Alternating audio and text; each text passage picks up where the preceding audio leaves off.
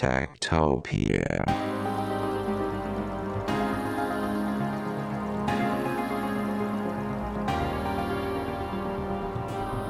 Tektopia er en podcast om mennesker og deres teknologi, udgivet af Ingeniørforeningen IDA i samarbejde med mediehuset Ingeniøren og China Experience, støttet af Innovation Center Danmark, IDA Forsikring og EUT Electronics of Tomorrow. Mit navn er Henrik Føns, og det er mig, der bestemmer i Tektopia.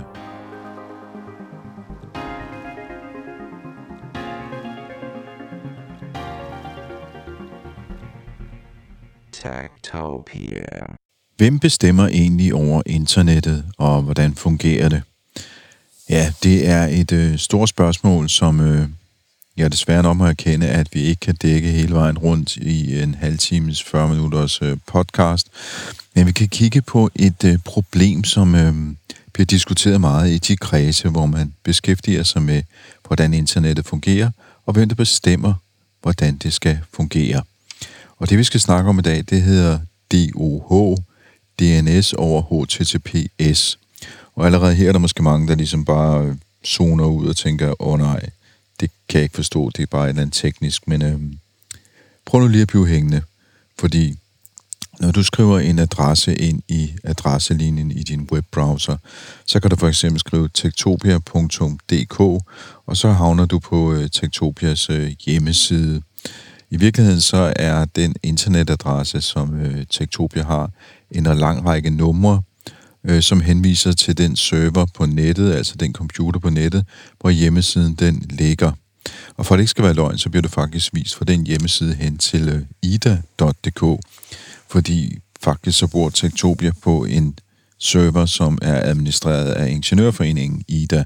Så der, der sker også en redirection, som man siger, man bliver simpelthen sendt et andet sted hen på nettet. De server, man kommunikerer med, det er sådan nogle domænenavne server, som de hedder, og det er et domænenavnesystem, det der kaldes DNS. Og lige nok det system, ja, det er der nogen, der gerne vil renovere lidt på i de her år, fordi der er nogle sikkerhedsproblemer.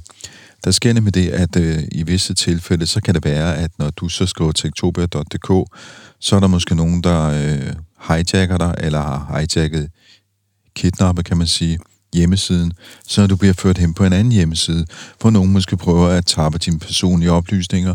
De prøver måske at lokke dig til at skrive øh, øh, hvad hedder det, dine kreditkortoplysninger ind på den her hjemmeside, og så snupper de dem, eller, eller dit password, eller noget andet. Og det er jo et problem, at øh, man faktisk kan læse, man kan opsnappe det, som du og jeg skriver i den her adresselinje i browseren. Så derfor så har man opfundet den her teknologi, der hedder DNS over HTTPS, og det vil faktisk sige, at man putter et sikkerhedslag ind i browseren, så man ikke kan se, hvad det er, du skriver i den, og det ikke kan blive opsnappet. Og det er jo alt sammen godt. Og hvis du er sikkerhedsekspert, ja, så er du glad for det. Ja, øh, fra, min, fra mit synspunkt, så er det alt overskyggende problem, som skal løses, at vores DNS er usikker. Så i første omgang, så skal vi teknisk sørge for at bruge kryptering, så folk ikke kan aflure og ændre og pille vores, ved vores DNS. Ja, sikkerhedseksperten er glad for DNS over HTTPS, men telebranchen, internetudbyderne, de er ikke så glade. Jeg synes, at det er den forkerte løsning, øh, sådan som den ligger nu. Men det, det at vi skal have en sikker, øh, et sikkert internet, det synes jeg er noget, vi skal stræbe efter. Vi skal bare gøre det øh, sammen, og vi skal gøre det teleselskaberne sammen med, med sådan nogle som Mozilla og Google. Og, øh, øh, altså, det er jo en, en, øh, en, en vigtig del i vores færden på internet, at vi føler, at vi har tillid til det, vi færdes i. Men det skal gøres på en måde, så alle spillere er med, og alle, øh, at der er den øh, ansvarlighed, men også gennemsigtighed i det, der foregår. Ja, okay, så kan vi jo så høre her, at der er noget med, at øh, data og sikkerhedslaget pludselig bliver kontrolleret af det, vi kalder, populært kalder tech-giganterne. Dem, som laver browserne, det kan være Google for eksempel, eller det kan være Mozilla, som ikke i bogstavelig forstand er en tech-gigant, men dog en amerikansk øh, organisation, som udbyder webbrowseren Firefox. Og hvad betyder det så egentlig, at øh, hvad skal man sige, den kontrol bliver flyttet til dem? Ja, det betyder at man som øh, dansk politi eller som Red Barnet, der kører det danske børnepornofilter, ikke kan rette henvendelse til de danske internetudbydere og sige, hey, I skal hjælpe os med at, øh, at finde de her sådan, øh, pædofile og, og de her børnepornosider, og I skal hjælpe os med at blokere for dem, fordi den blokering kommer til at ligge hos Google eller Mozilla. Og så bliver det en ganske anden historie, og det er faktisk et problem for Red Barnet. Det ændrer jo fuldstændig på i forhold til, hvordan øh, skaber vi børnebeskyttelse øh, på, på internettet. Fordi hvis det er jo rigtigt nok, hvis man går uden om ISP'ernes øh, DNS, og det vil man gøre med DUH, øh, jamen så vil beskyttelsen ikke ligge der. Så skulle beskyttelsen så ligge ved øh, de øh, forskellige platforme, øh, de såkaldte tech-giganter. Og det kan vi jo have vores bekymring om, at den bliver lagt derud. Se, det var i korte træk øh, mulighederne og konflikten i det her med DNS over HTTPS.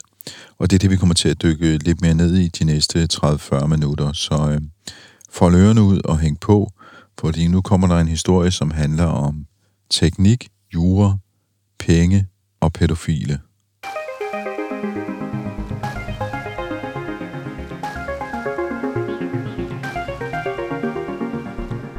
Jamen, jeg hedder Henrik Kramselund Jereminsen, og jeg er IT-sikkerhedskonsulent med eget selvstændigt firma, Security APS.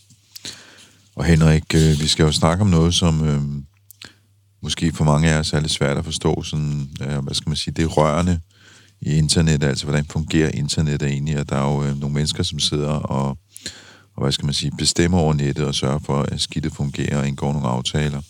Og der er lidt grøde i den verden øh, for tiden, hvor man snakker meget om det, der hedder DUH, DNS over HTTP. Og allerede her, så bliver det jo sådan lidt kringlet sikkert at, øh, at fatte, hvad der foregår. Så i virkeligheden, så vil jeg bede dig om måske sådan helt basalt at fortælle os, hvad er DNS, og hvordan fungerer det på nettet? Hvad betyder det? Ja, men DNS er jo Domain Name System. Det er vores navneservice på internettet. Computerne de taler sammen med nogle tal, der hedder IP-adresser, men vi mennesker vi vil meget hellere bruge navne. Så hver eneste gang vi interagerer med internettet og bruger nogle domænenavne, vi sender en mail, vi besøger et website, så skal der oversættes mellem navne og IP-adresser. Og det er det, som DNS tilbyder. Oversættelse, oversættelse af www.domæne.com til en IP-adresse, som vores browser så kan tilgå. Og de her sådan, domænenavne-server, altså hvor står de henne, og hvem, øh, hvem styrer dem? Jamen, øh, hele internet DNS-hierarkiet er baseret på et verdensomspændende netværk af servere. De står simpelthen spredt over hele verden. De servere, der har navne for vores domæner. Det er en hierarkisk opbygning, hvor man på toppen har 13 faste adresser. Og de faste adresser spørger man så. Så hvis jeg skal slå et dansk domæne op, så spørger man egentlig sin lokale navneserver, kan du ikke finde navnet på www.dkhostmaster.dk, en webserver, man gerne vil besøge. Og så vil den DNS-server, man har spurgt, gå ud og lave sådan en længere proces, hvor den går ud og spørger toppen af hierarkiet, de 13 adresser, og så får den at vide, at .dk-domæner ligger på nogle server, der bliver administreret af DK Hostmaster. Så kan man spørge de server, hvor ligger DK Hostmaster-domænet, dkhostmaster.dk, og når man så har fået det at vide, så spørger den i sidste ende, www-adressen, hvor er den henne? Så det er sådan en længere proces, og derfor bliver den implementeret på en rekursiv navneserver. Det vil sige altså en, der spørger ud i verden og spørger igen ud i verden, og bliver ved med at spørge, indtil den har fundet svaret. Og det er en, der står typisk hos vores ISP, og så spørger den ud i hele verden. Kunne man forklare det med, at det er sådan en slags øh, GPS for internettet? Det kunne man måske godt. Øh, en, en, en, en GPS, der oversætter en, øh, man kan sige et navn, en adresse til et, et, et koordinat. Det kan du sådan godt, måske. Ja, okay. Øh, så, eller, eller man kan sige, det er en måde at oversætte vores, hvad skal man sige, menneskesprog til maskinsprog på, så maskinen det kan forstå, du sige, hvad det er måske bedre. Ja. Lige præcis, lige præcis. Man kan sige, øh, det var måske mere relevant at sige det som, at man ser på et kort. På et kort, der har man jo koordinater. Man har måske A, B, C henad, og man har 1, 2, 3 nedad. Så for at komme fra det ene til det andet, fra en by, København, jamen den ligger måske i B3. Jamen så B3 betyder, at man kan gå ind og finde de byer, der er der. eller man kan gå fra et bynavn København, og så er det på B3 på kortet. Så i, virke, sådan, i, i virkeligheden, i stedet for at opgive sin adresse som øh, længde af breddegrad, så kan man sige, jamen jeg bor i Blomstervæggen 52. ja, det kan man sige.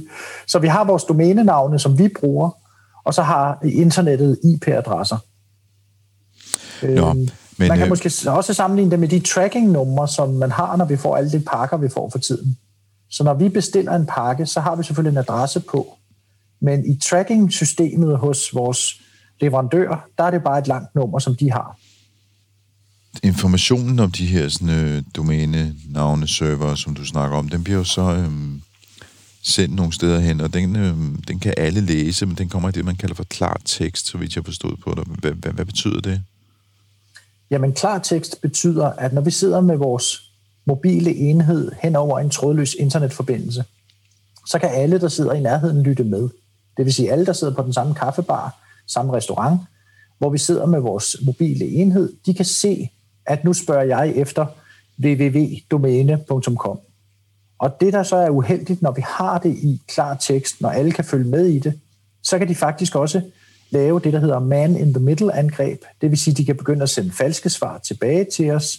De kan omdirigere os til et andet site. Så hvis man prøver at gå ind på Carlsberg, så bliver man måske dirigeret over til Tuborg.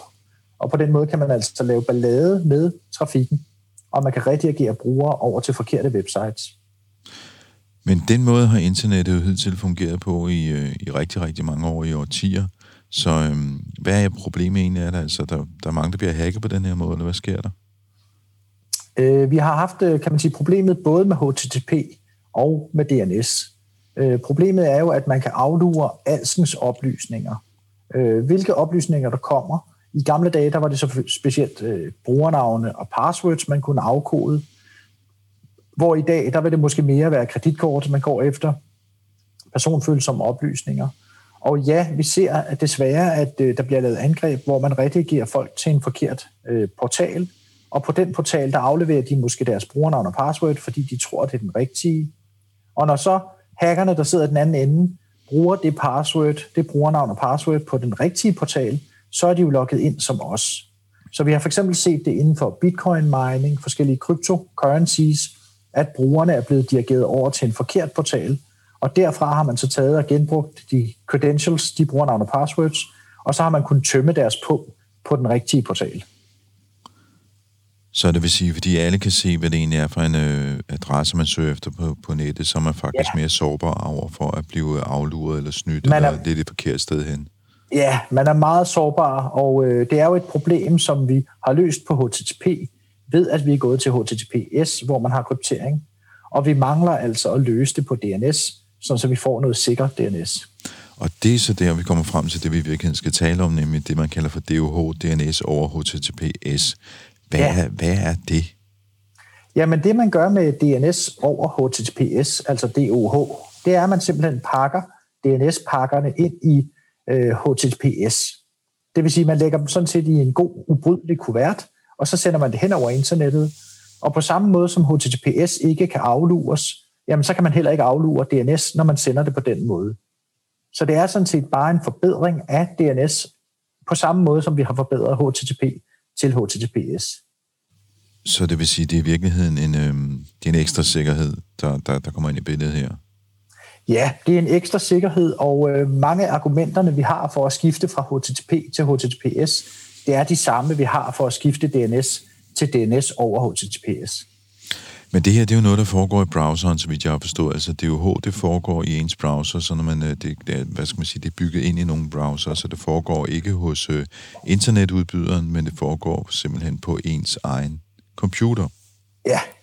Øhm, den måde DNS har fungeret på, og stadigvæk fungerer på i de fleste tilfælde, det er, at når man kobler sig på et netværk, et trådløst netværk for eksempel, så får man nogle oplysninger fra netværket.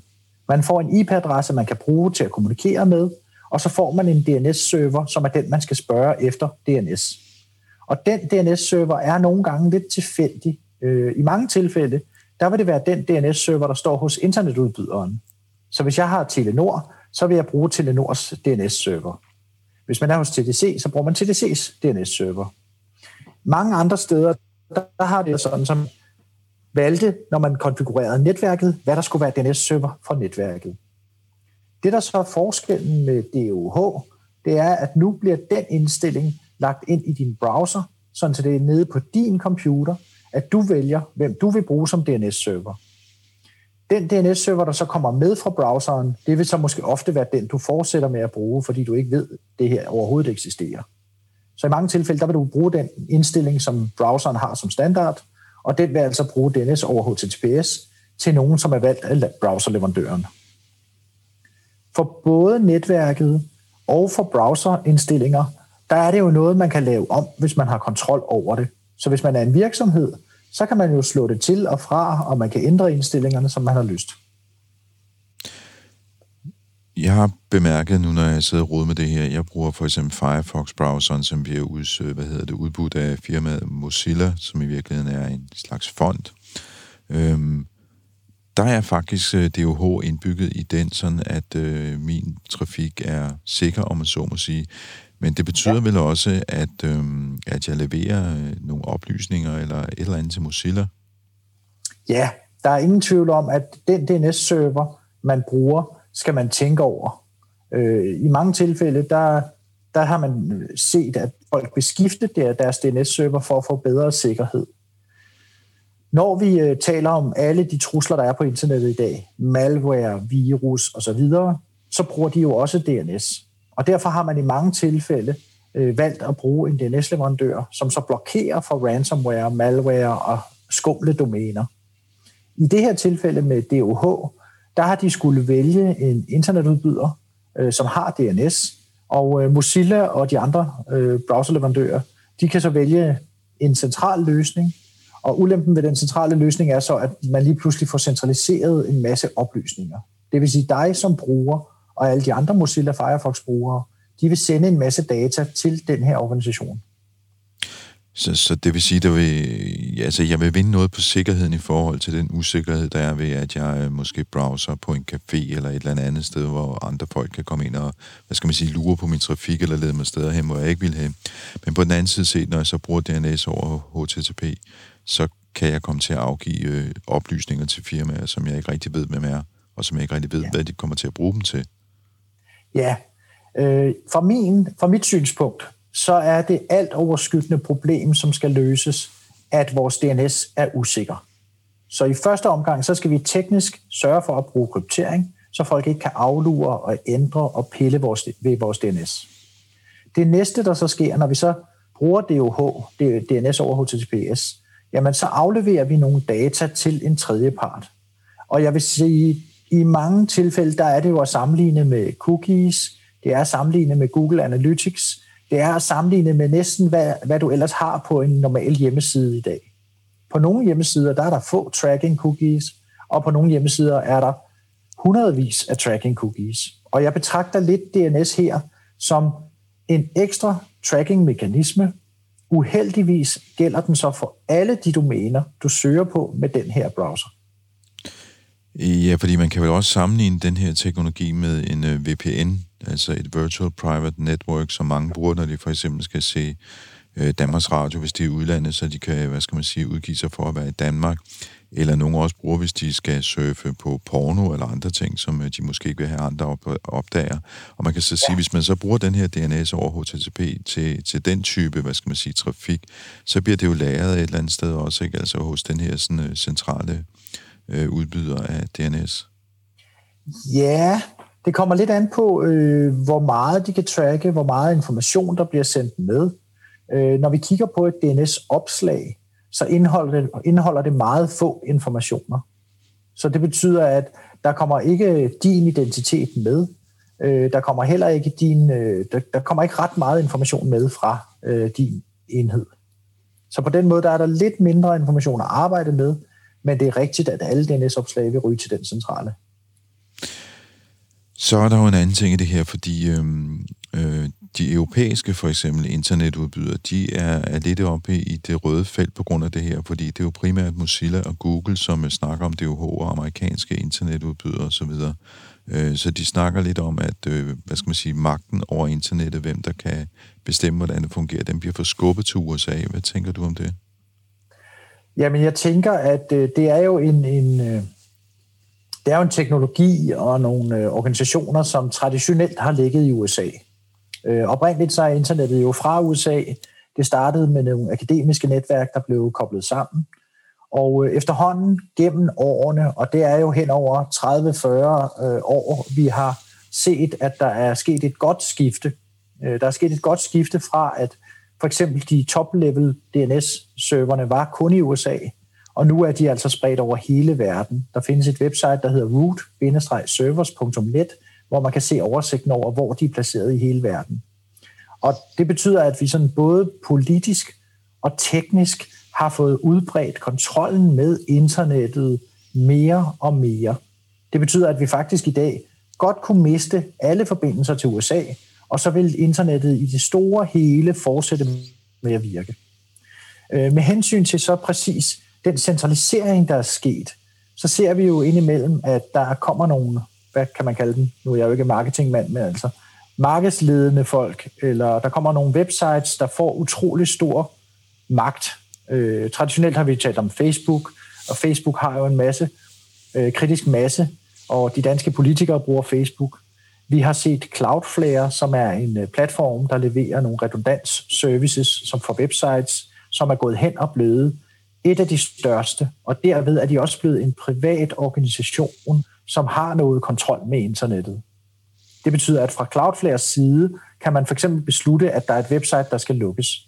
Og der er ikke rigtig måske nogen, der lige kan overtage det website med det samme. Der er ikke nogen, der har de samme muskler som Cloudflare, og derfor betyder det, at det website bliver lukket. Øh, og det, der så sker her nu med, med DNS, det er, at øh, ja, det paper, du har sendt mig, der er de bange for, at det skal blive centraliseret på få hænder. Og dengang, øh, jeg har været inde og slå op, og jeg mener, det var i 2008, undskyld, 2010, at øh, Google DNS blev oprettet, så det er jo altså en, en 10 år siden. Og der kunne jeg godt være bange for, at Google på grund af deres position kunne være øh, ja, gatekeeper, gateway til internettet, at det simpelthen var Googles DNS, der bestemte. Heldigvis er der så undervejs kommet så mange store konkurrenter. Øh, Cisco har OpenDNS, øh, som de nu hvis nu kalder Umbrella. Øh, der er kommet Quad9, som er fire nitaller, hvor blandt andet IBM står bagved, som slår sig meget op på sikkerhed for brugeren. Så der er altså kommet et antal store konkurrenter. Og de store konkurrenter er med til at holde hinanden i skak. Og derfor er jeg ikke så nervøs for den centralisering PT.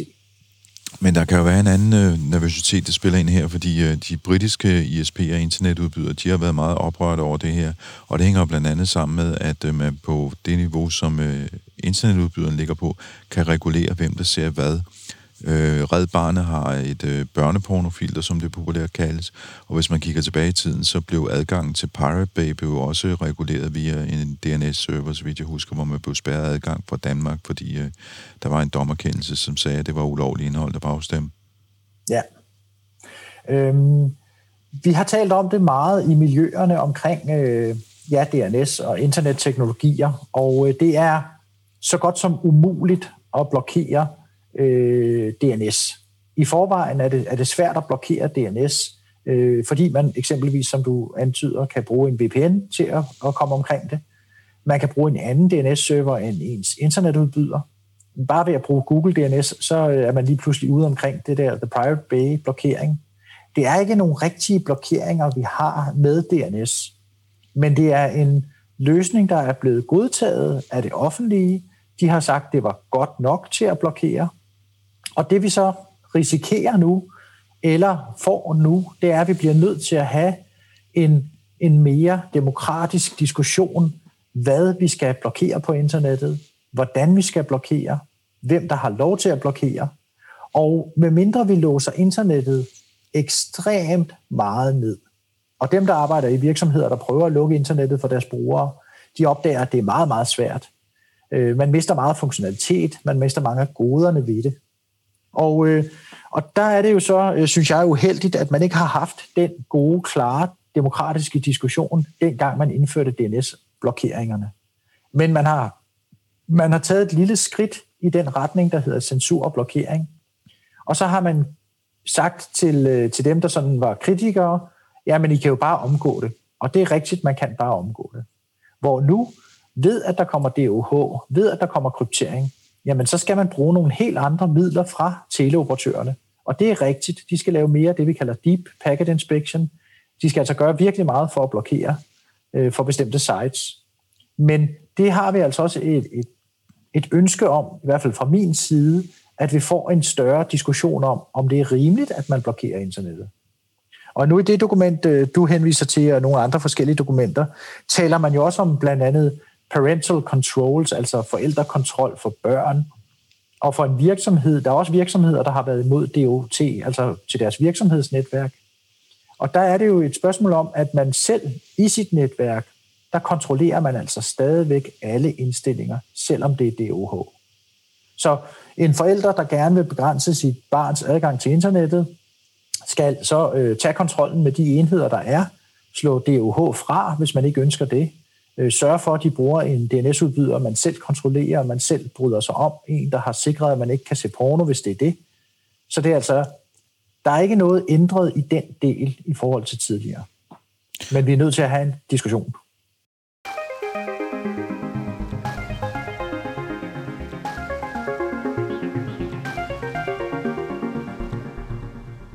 Jeg hedder Per Frederiksen. Jeg er psykolog i Red Barnet og projektleder for vores civile hotline. Anmeld det. Mm. Og Red Barnet, hvad, øhm, hvad laver I på internettet? Altså, hvad er jeres primære opgaver der? Vores primære opgave er at øh, beskytte børn, øh, beskytte børns øh, rettigheder, og det, der jo er man kan sige, eksploderet de seneste par år, det er jo at være opmærksom på at beskytte børn og unge mod øh, krænkelser, særligt seksuelle krænkelser, det vil sige ufrivillige billeddelinger, øh, og det gælder jo også for børn, og det har jo været et fokus gennem 20 år for Red Barnet nu, øh, har den her civile hotline kørt i Danmark, hvor at vi modtager anonyme øh, anmeldelser, overvejende anonyme anmeldelser fra øh, bekymrede borgere, der støder på indhold, som de mistænker kan være seksuelle overgreb mod børn. Det man tidligere betegnede som børneporno. Og øh, der er vi med i et stort internationalt netværk, øh, og man kan sige, forbrugerenden af det netværk, der sidder Interpol. Det er deres øh, database, som alle taler ind i. Det er også dem, der står for øh, at uddanne vores analysemedarbejdere. Det er sådan, de analysemedarbejdere, vi har i Red Barnet, de er alle sammen uddannet via Interpol til at håndtere den opgave, det er at vurdere, at det her materiale ulovligt.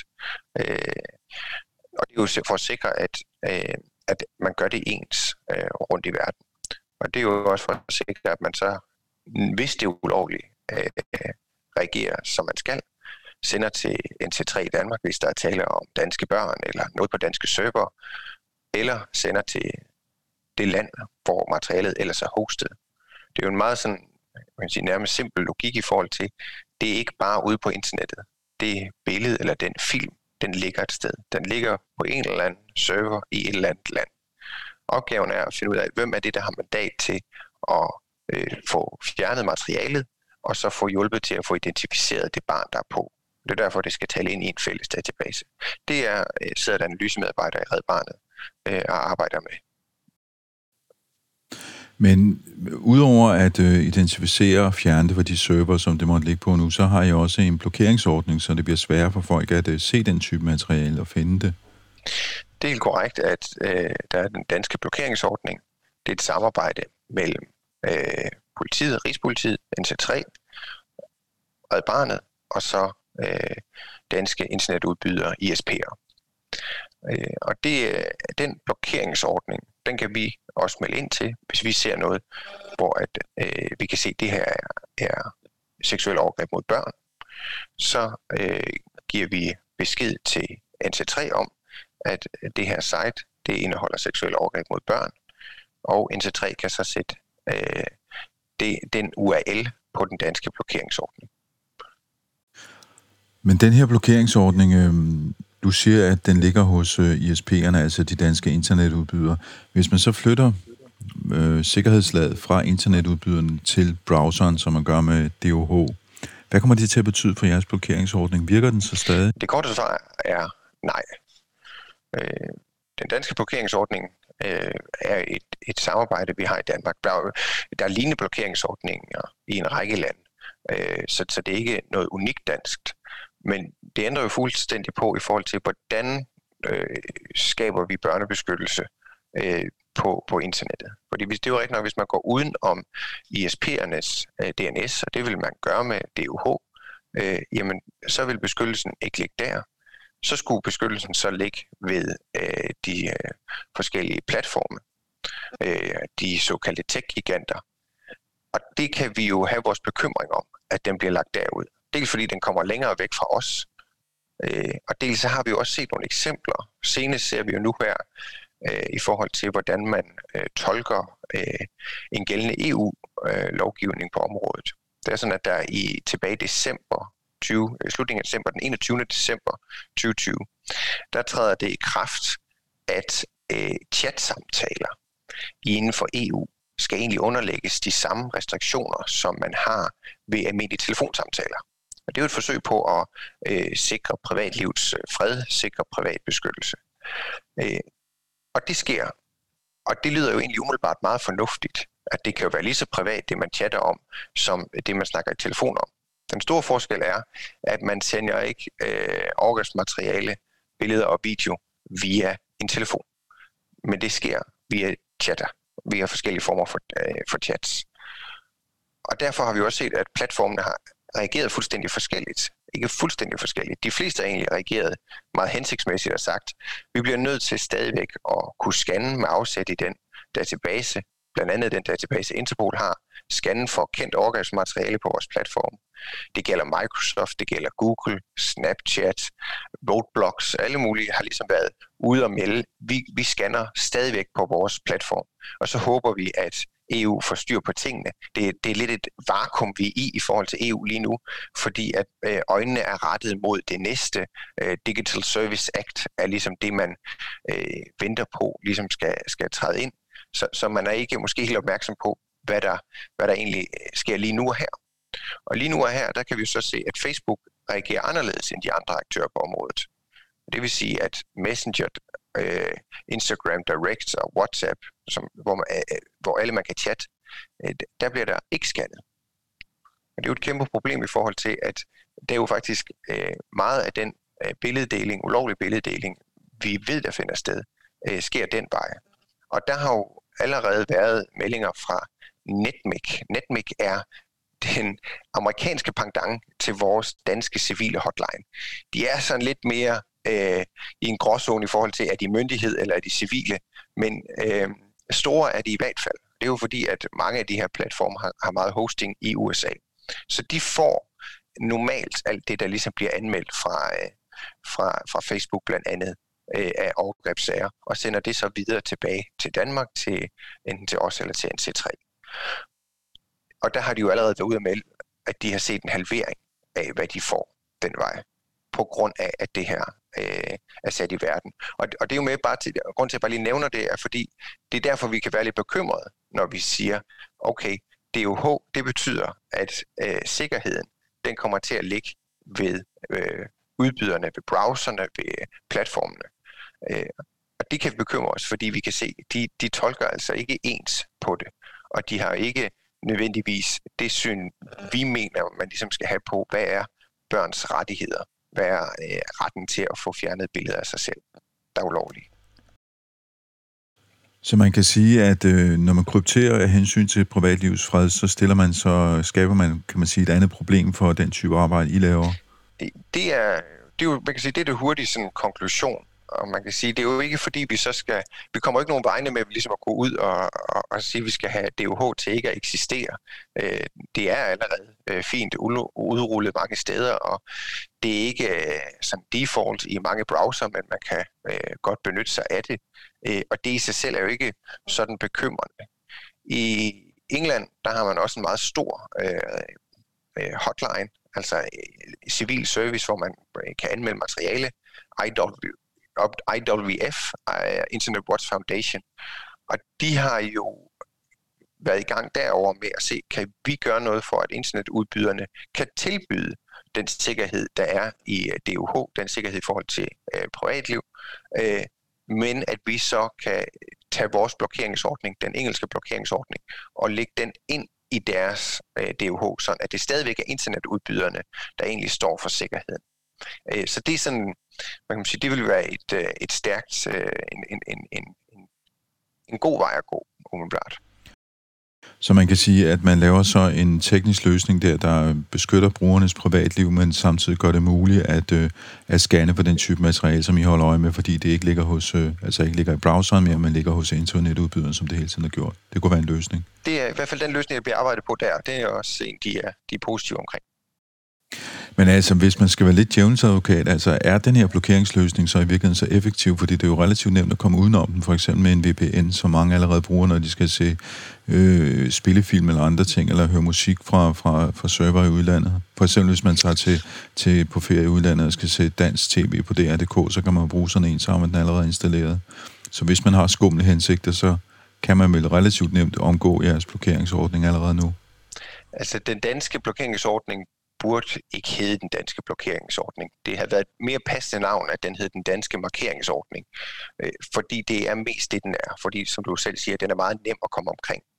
Den svarer nærmere til politiets minebånd. Man sige, det er, øh, det er tydeligt at se, men det er jo meget, meget nemt at komme under. Øh, og det er lidt det samme, der er med stopsiden, at øh, den er jo nem at få øje på, men altså, hvis man vil forbi den, så kan man øh, ganske nemt komme forbi den. Der, hvor udfordringen kan være med øh, DUH, det er, man opdager ikke, at man går forbi den. Øh, man får ikke noget sådan besked om det, eller heads up, eller øh, lige nu øh, bevæger du dig ud på noget, som er vurderet til at være øh, indeholde overgrebsmateriale mod børn.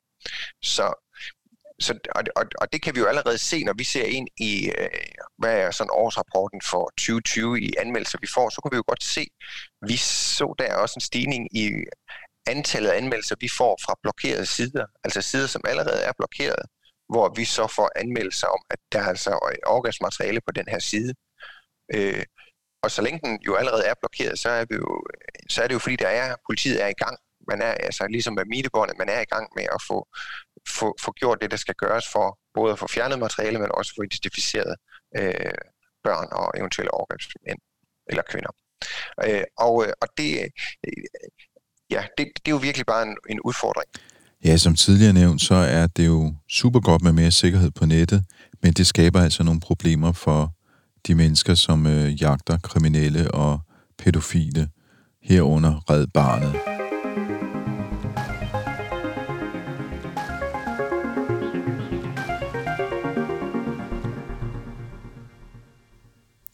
I de kredse, hvor man uh, diskuterer, hvordan nettet skal reguleres, der er man selvfølgelig klar over den her problemstilling, og man kigger også på den. En af dem, som er helt central i det spil, det er direktøren for Etno, som er sammenslutningen af europæiske teleselskaber. Hun er dansker. Øh, jeg hedder Lise Fur, og jeg er direktør for de europæiske teleselskabers øh, brancheforening i Bruxelles der sidder jeg øh, øh hver sådan, øh, fra mandag til fredag og, og øh, arbejder med øh, teknologi og, og lobbyisme og arbejder i forhold til øh, Bruxelles og de institutioner, der er der. Udover det, så er jeg også øh, bestyrelsesformand for det, der hedder PTI. I sin tid hed det Ariana. Øh, og det er datterselskab til det, der hedder ICANN, og ICANN det er den organisation, der har med domænenavne at gøre øh, for hele verden. Og øh, PTI, som jeg er formand for, vi arbejder med rodserveren, der styrer alle øh, domænenavne i hele verden. Den ved, hvor .dk ligger, den ved, hvor øh, UK ligger, den ved, hvor øh, .com, .org og alle de her domæner, hvor er de placeret i verden. Det er den sådan autoritative server for alle de her domænenavne. Hvordan fungerer det i dag? For eksempel, altså, nu nævner du ICANN. Ja, men uh, uh, ICANN er det, vi kalder en, en multi-stakeholder-model. Det betyder, at uh, alle øh, kan faktisk deltage i at beslutte de, de regler for domænenavne, som, som ICANN sætter. Øh, og når man siger regler, så handler det om, øh, øh, altså når for eksempel det danske domæne.dk, det er ikke styret af ICANN, men man er med i ICANNs arbejde. Men .dk er sådan set ejet af en masse foreninger i Danmark, som så er med til at styre, at .dk øh, det er et, et øh, non-profit domænenavn, så vi kan købe domænenavn øh, billigt i Danmark. Men .com og .org og .net, som er det, der hedder de generiske domænenavne, de er... Øh, de er sådan set øh, administreret af ICANN, som betyder Internet Corporation of Assigned Names and Numbers. Det er sådan et meget langt og, og, og lidt uh, tricky navn. Men, men da internet i sin tid sådan opstod i USA, uh, så fandt man ud af, hvor populært det var, og så øh, besluttede man sådan set fra den, det var Clinton-regeringen, tror jeg, som, som lavede en hvidbog om, nu, nu skal vi lave en organisation, hvor hele verden kan være med til at beslutte over den her infrastruktur, som man meget forudseende forudså faktisk vil blive øh, vigtig for, for hele verden. Og derfor, øh, domænenavn, det er jo det, der ligger Øh, øh, ovenpå det, der hedder IP-adresse. Og IP-adresse, det er bare en masse numre. Øh, men for at vi ikke skal sidde og huske alle de her numre, så har man lavet et domænenavn, som gør, at jeg kan skrive, for eksempel, jeg, jeg har min egen øh, website, der hedder fur.nu. Øh, og den, øh, den kan jeg så skrive ind, i stedet for at huske alle de her numre. Eller hvis jeg skal skrive til dig, en e-mail til dig, Henrik, så kan jeg også, øh, øh, så den øh, adresse der efter snabelaget. Ja, du kan skrive er, til tektopia.dk. Ja, ja. tektopia.dk i stedet for en lang yes, række numre. Præcis. Mm. Øh, og, og alle de her regler for, hvordan det her skal foregå, øh, det man blevet enige om, det, det beslutter man sammen i, i ICANN. Fordi der er jo rigtig mange penge i at sælge .com, .org, .net. Øhm, og det har man så nogle regler for, hvordan øh, det skal foregå. Øh, og det, det foregår øh, øh, ved, at for eksempel brugerne, øh, virksomhederne, man har forskellige grupper, der er med til at, at, at lave den politik, der, der foregår der.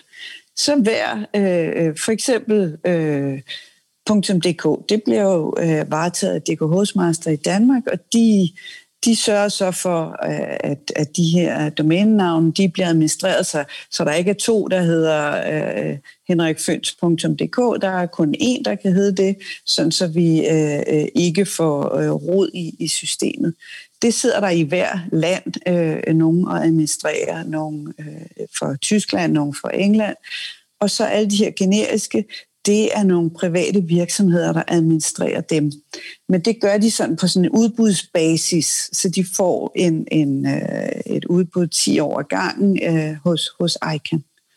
Jeg tror, jeg tror, der er lige en ting til, du skal forklare, fordi øhm, vi har slet ikke snakket om det, man kalder for ISP'er, Internet Service Provider, som er jo i virkeligheden er dem, som man øh, køber sin internetforbindelse af, som er dem, der, hvad skal man sige, sørger for, at man kan være på nettet, og det fungerer osv. Øh, hvad, hvad, hvad er deres rolle, hvem er de? Er det i virkeligheden dem, du repræsenterer i, øh, i Etno? Øh, altså, dem repræsenterer jeg også, øh, øh, fordi at det er tit teleselskaberne, der er internet service providers.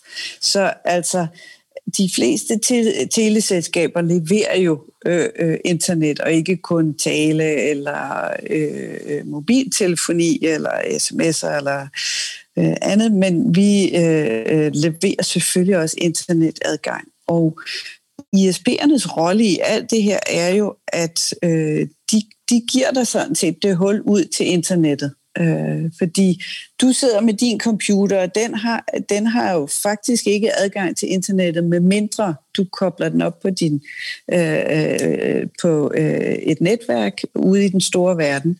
Og det er det, som øh, internet service providerne øh, leverer til dig, det er, jamen de giver dig adgang til øh, hele øh, internettet. Og internettet er jo øh, et netværk af netværk. Det er jo øh, tonsvis af små netværk, der ligger derude, som, som man skal vide, hvor, hvor ligger henne. Og der er så nogle, øh, du har så fat som tilselskab i en et andet teleselskab, der ved, hvor deres øh, netværk ligger. Så det er jo sådan nogle systemer, der, øh, der er koblet sammen ved, at, at øh, man har lavet, der ligger en myriade af aftaler under det her, som er med til at sikre, jamen, når jeg sætter øh, mit netværkstik ind i, øh, i væggen, eller jeg har trådløst netværk, så har jeg hul igennem til hele verden. Øh, og det er det, ISP'erne gør. Det, handler om her, det her forslag med det, du kalder for DOH, det stiller så nogle udfordringer for, øhm, for øh, internetudbyderne, de nationale internetudbydere og for myndigheder osv. Men måske skulle vi lige finde ud af, DOH, nu nævner du Mozilla, det er dem, som øh, laver øh, Firefox-browseren.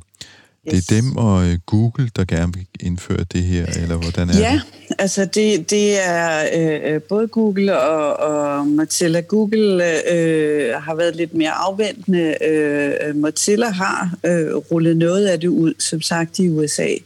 Øh, øh, men det der jo også er med det, det er, at hvis både Google og Mozilla ruller det her ud, øh, så koncentrerer du viden om, om internetbruget på meget få hænder. Øh, du giver øh, igen nogle store amerikanske virksomheder hele øh, øh, spektret på, hvad er, det, hvad er det, vi søger på, øh, hvor, hvornår er det, vi søger, altså ting, som øh, du kan sige, de, de ved det godt i dag, men i dag er det faktisk noget, som de deler med, med alle mulige andre, men, men de vil få en, en øh, øh en øh, eksklusiv viden omkring øh, internetbrug og internetbrugere. Og det, det ser jeg også som en, en endnu større centrering af, af viden og, og, og data end i dag. Og det ser jeg også som problematisk i, i alt det her. Øh, og jeg synes jo, sikkerhed er rigtig, rigtig godt. Vi synes, det er rigtig, rigtig vigtigt med sikkerhed. Vi mener bare, at der er andre måder at gøre det på, øh, og der er også andre måder at implementere den her øh, DOH-standard på. Og, og det, der er i det, er sådan set, at man bør have en dialog om det, og man bør have en åbenhed om det. Og Øh, det ser vi også, at Mozilla har prøvet, de har lavet en høring om det. Øh, øh, sådan, øh, en høring som et privat selskab, hvilket jo er en, en lidt anderledes tilgang end normalt. Normalt, når det er en høring, så er det kommissionen eller dit lands øh, regering, der, der laver nogle høringer. Øhm, men, men det, og det er også rigtig et godt skridt på vejen, men, men det her bør være noget, man egentlig ser på. Altså internationalt siger, okay, hvad er det, vi egentlig vil? Hvordan er det, vi vil sikre øh, brugen af internettet? Fordi det er jo vigtigt, at vi har den her tillid til, at det er sikkert, det vi gør på internettet. Øh, men det her er, er, virker bare ikke som en rigtig løsning, og man plejer heller ikke at sige, øh, populært sagt, så, så lægger du ikke sikkerheden i selve transportlaget, du lægger den som no, nogle, no lag oven på de her transportlag, og det her, der indarbejder du det i selve transportlaget. Øh, og det er der nogle af de gamle kritikere, eller de ikke gamle kritikere, de gamle stifter af internettet, øh, der har været ude at kritisere og sige, da vi opfandt øh, DNS, øh, øh, øh, altså domænenavnsystemet, der var det her ikke øh, måden at gøre det på, fordi du netop laver den her eksklusivitet i, hvad er det, øh, øh, det bliver meget skjult, det der foregår inde i, i det lag, der hedder øh, DNS-laget.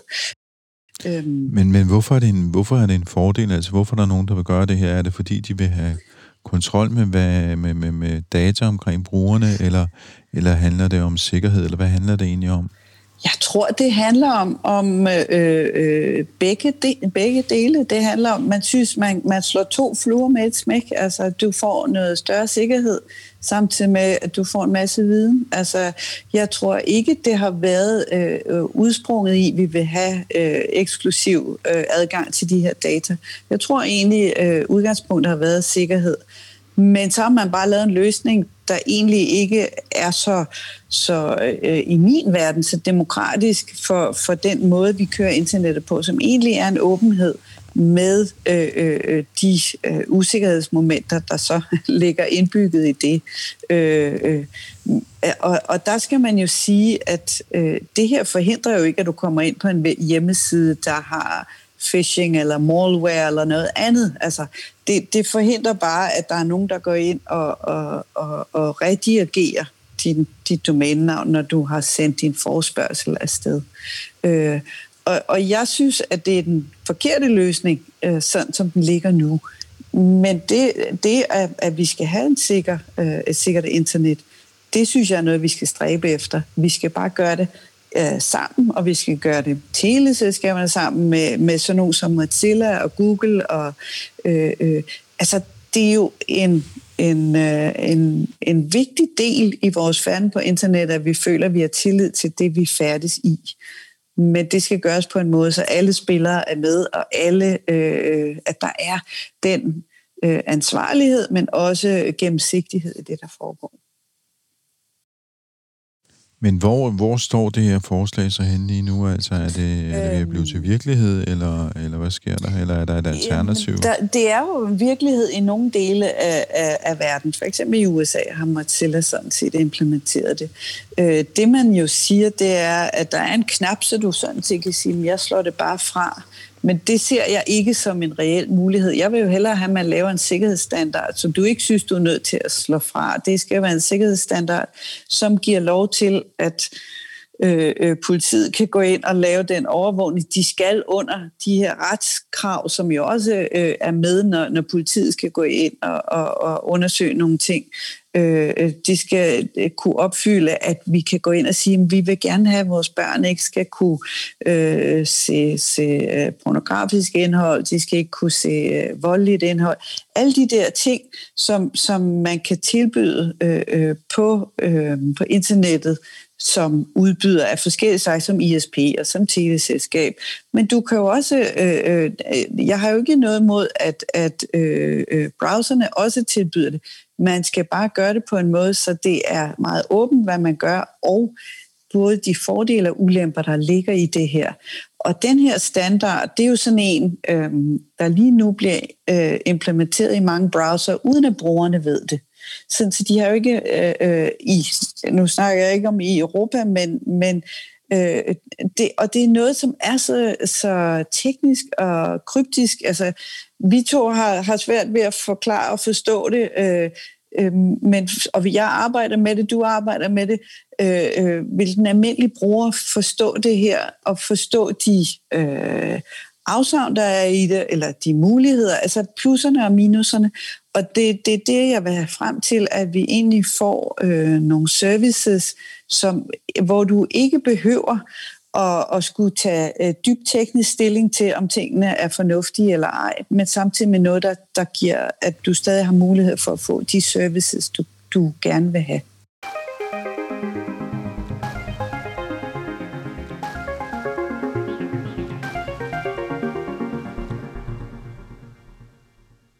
Det kunne jo ligne en øh, ganske vanskelig problemstilling, som øh, kan være meget svær at øh, løse.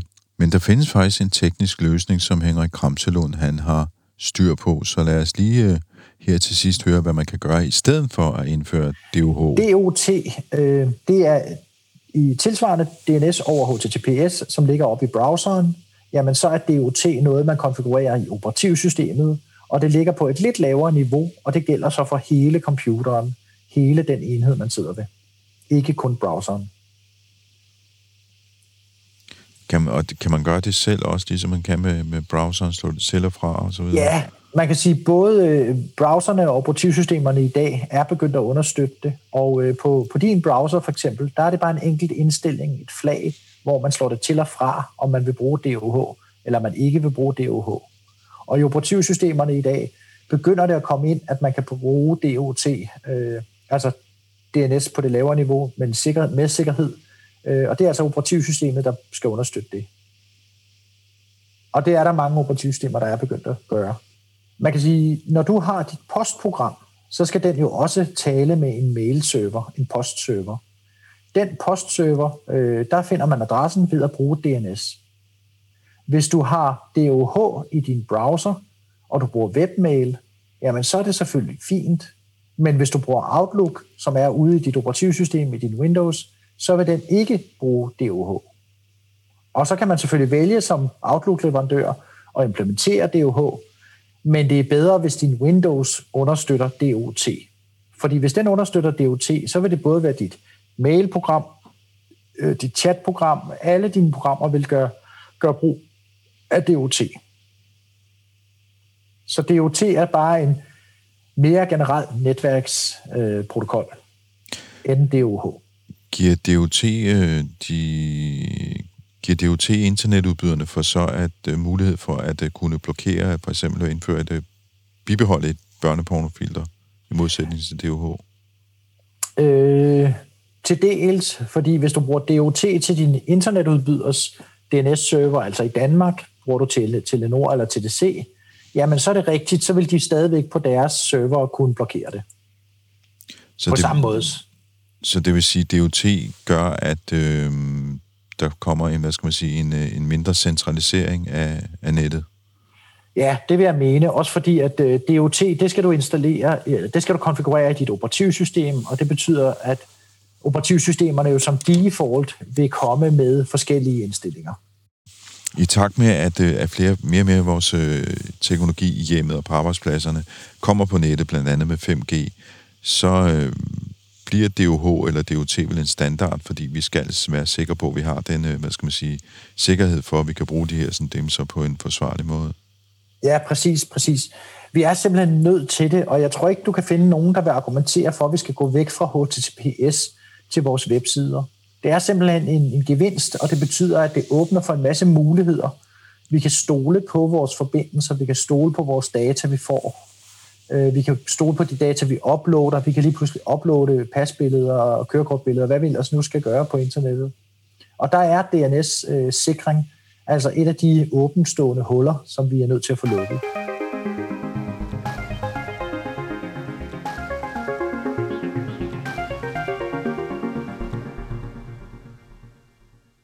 Ja, det var så dagens lille indblik i, hvordan internettet fungerer, og nogle af de problemstillinger, som ligger og lurer derude i horisonten omkring, hvem skal egentlig bestemme over nettet, hvor skal data flyttes hen, skal det være europæisk, skal det være amerikansk, og hvad gør vi med øh, ulovligt materiale osv. Fuldstændig klassiske diskussioner, som altid har fulgt med nettet. Hvis du gerne vil være med i den type diskussioner øh, efter udsendelsen her, så kan du for eksempel logge ind på Tektopia Backstage, som er vores gruppe øh, på øh, Facebook, hvor øh, omkring 1500 mennesker sidder og diskuterer teknologi og, og de konsekvenser, som teknologien har for os som mennesker og samfund.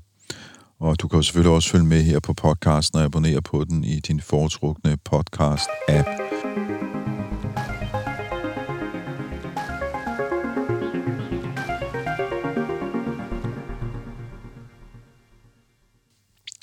Inden vi slutter af, så skal vi lige snuppe et uh, podkort fra Ingeniørens øh, podcast Transformator. Der er ingen tvivl om, hvornår støj er ulidelig eller måske direkte skadelig. Hvis du står tæt på en NASA-raket, der starter, så er du ikke i tvivl.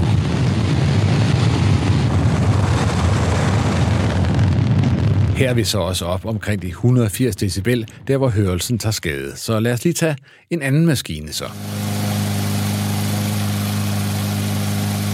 Det var så den velkendte lyd af en plæneklipper. For nogle er det en fjern lyd, der minder dem om en hyggelig sommerdag i baghaven. For andre en total enerverende og forstyrrende lyd. Man tager ikke skade af den, sådan en enkelt gang imellem, når græsset er blevet for højt. Vi ligger omkring de 90 decibel. Men hvis den ligger der hele tiden, så er der masser af dokumentation for, at det skader helbredet. Op mod 500 danskere mister hvert år livet på grund af støj, og omkring 600 får et slagtilfælde. Derfor ligger grænsen for, hvor meget vejstøj der må være ved boliger også på 55 decibel. Det svarer nogenlunde til niveauet af en samtale med en meters afstand. Og hvis jeg visker, så er vi nede på 30 decibel. Så støj er en type forurening, som stiger og stiger, og derfor stiller og roligt at vækrybe op af dagsordenen. Så i denne uges transformator, så skal vi møde to helt aktuelle eksempler, der med tydelighed viser, hvor svært det er, det der med, om lyd er generende eller ej. Først så skal vi ned under jorden til den københavnske metro, og derefter skal vi høre en helt skør historie om en stribe varmepumper, der er ved at drive en flok nybagte husejere til vanvid. Og når vi så har larmet, så skal vi besøge nogle robotter, der skulle gøre tingene nemmere på hospitalerne, men som nu bare holder stille i garagen. Lyt med i denne uges Transformator.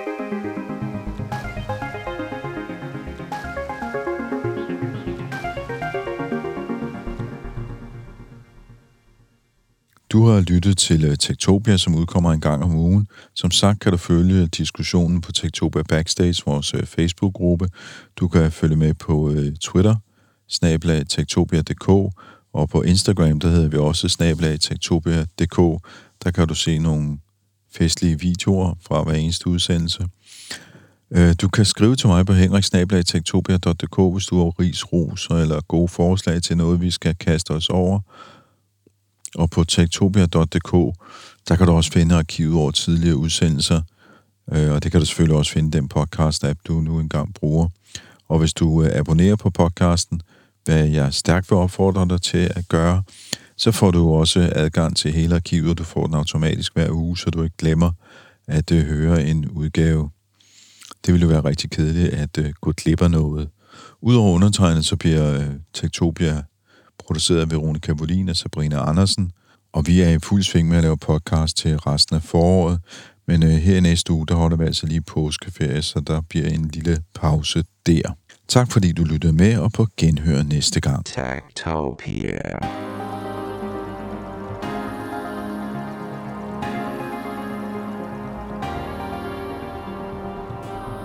Tektopia er en podcast om mennesker og deres teknologi, udgivet af Ingeniørforeningen IDA i samarbejde med mediehuset Ingeniøren og China Experience, støttet af Innovation Center Danmark, IDA Forsikring og EUT Electronics of Tomorrow. Mit navn er Henrik Føns, og det er mig, der bestemmer i Tektopia.